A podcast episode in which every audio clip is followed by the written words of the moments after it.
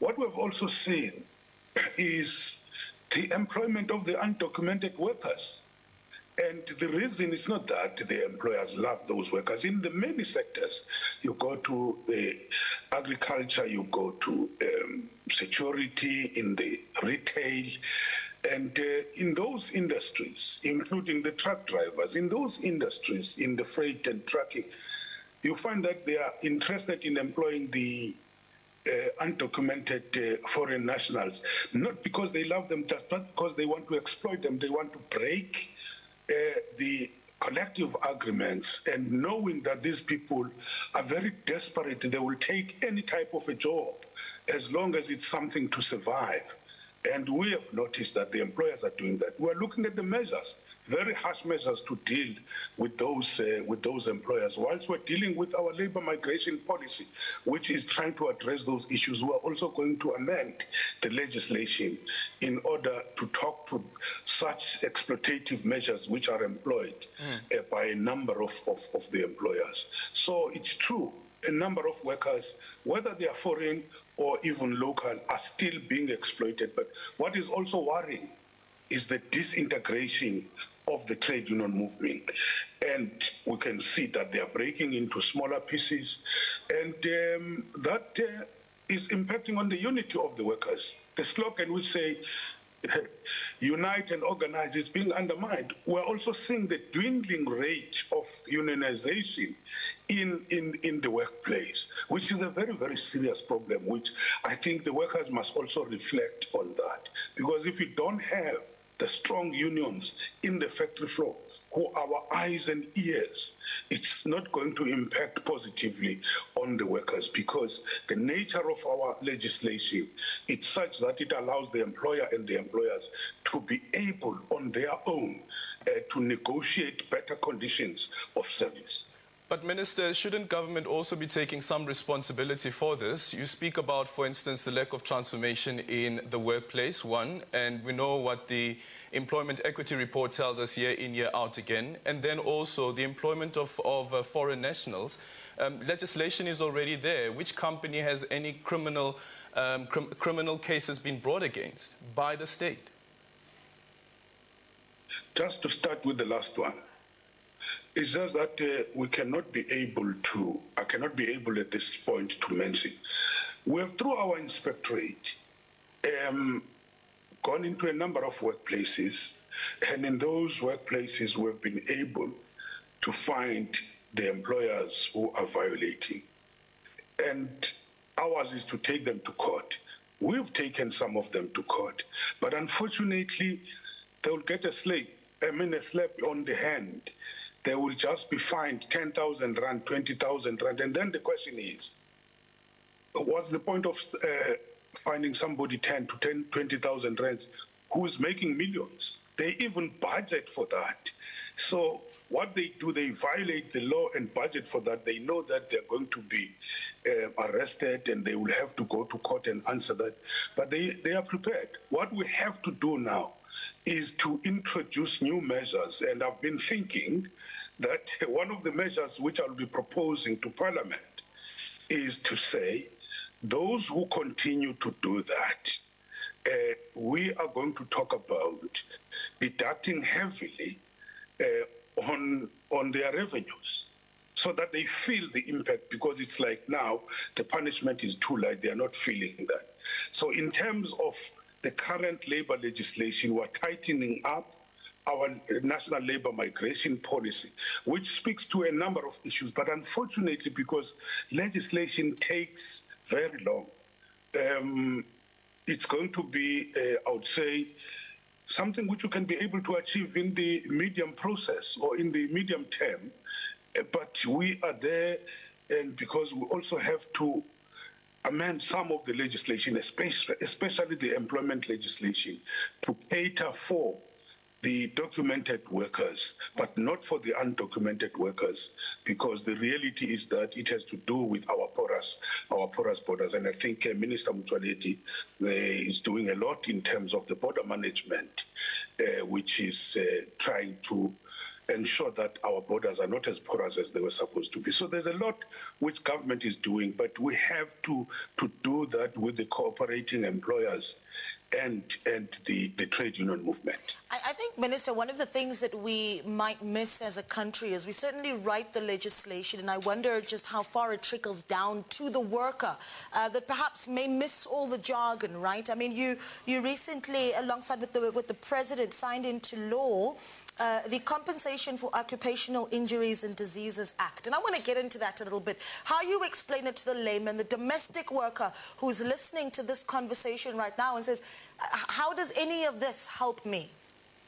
Yes, it's correct that we do have a large uh, uh, number of the workers who are uninformed about these laws. Mm. But we have started a massive education program where we're trying to empower these workers uh, about their rights. So there's a massive education program where we're trying to educate the workers about, about their rights and also their responsibility. But we had hoped that the unions which are organizing in those sectors will work jointly with us. We take the programs to those workers for them to be able to understand what is happening. But also we do have about 136 labor centers in this country where we want the workers to visit the labor centers which are nearest to them to be able to know about their rights or whenever they are having problems um, at their work situation, they are able to report to those labor centers. And then we look at the people who are going to be able to help them. So we're hard at work uh, over and above the strategy which we're having to say, how do we also work with the civil society? Mm. which is going to help these particular workers, together with the trade unions which are organizing in those sectors in order to help that. And you are correct to say you can have good legislation, but the implementation is something else. Hence, you have to have that mass conscientization mm. of, of, of the workers about their rights. But it still remains strong unions on the factory floor are very, very key. We're very worried about this disintegration because instead of being united and fighting for their rights, they are fighting amongst themselves. Mm. Yeah, you, you talk about the role then of trade unions in really getting those messages out to the workers. But, Minister, the reality is what we've seen over the past year is that the relationship between union and government really is at an all-time low. Let's, let's be honest with ourselves. We've seen an ongoing strike where public service workers are concerned. I mean, are you worried about the state of what things look like between state and unions, particularly when you get to the bargaining table? Hang on. Let's not, let's not have our short memories. Mm. The biggest strike in the public sector was in 1988. A very big strike, which involved all the sectors of, of, of, of, of the public sector, all of them. That was the biggest strike. And after that, we put the proper legislation. And that legislation has very clear dispute resolving mechanisms, including going to the labor court or even to the constitutional court. That's what has been happening.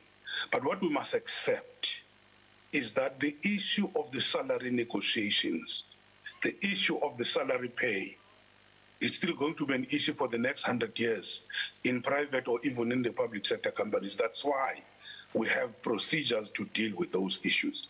But if you look into the other issues, we are doing well. If you look into the private sector, there have been big strikes, but those strikes have been resolved through the mechanisms which are in the legislation today. And uh, so strikes are still going to be there because workers have the right to strike. It's in the Constitution. But there are ways of addressing those particular issues. What also worries us in the private sector, people, when they go on legal strike, it's very easy to be employed, I mean, to be expelled by, by the employers. We're very, very concerned. And uh, we're cautioning the employers in doing this. But if you gauge it according to the recent public sector um, negotiations, I don't think we have a crisis we have a way, the majority of the union signed that particular agreement. Mm. The majority, I mean, the minority did not sign. That's what happens in the bargaining. That's that's the game. But on the other issues, socio-economic issues, we we are together. We're trying to address those issues together. And as I say, during these hard economic times, we have a choice. We give the high salaries to the unemployed and forget about the million unemployed. Mm. So it's always a balancing act. Mm on how we have to deal with those with these issues. But I can tell you, in the public sector, even during COVID, all the workers enjoyed their benefits in full. In the other sector, they didn't enjoy those benefits. And uh, what has been offered uh, recently has been better off. But we are not saying it might be able to mm. deal with the crisis which we're facing of very high fuel and uh, food prices, but at least something has been done but when you're faced with hard economic conditions, you have some choices which you will have to do.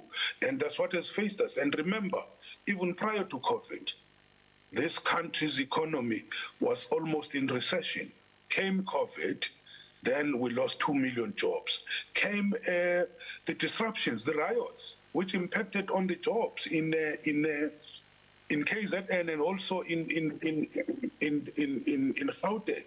So those were all the issues which which were facing us, and that's why when we deal with these issues, uh, we have to consider a balancing act. And the last point I want to make here. When you talk about public expenditure, mm. it's well and easy to say, give more money. But on the other hand, do you talk about where do you get extra revenue? Mm. That's a very big debate. Do you impose more tax? It's a big debate. So, hence, I'm saying it's a very big balancing act. And I want to say, on a number of issues, we're still together. We continue to be together. On salaries, sometimes we differ. But in the long run, this issue of uh, the salary negotiations mm. is always controversial in any sector, by the way. And that was uh, Labour Minister Thulas Nxesi, and uh, he was speaking to Aldrin Sampear and Naledi Moleo on the agenda, our sister program here on SABC News.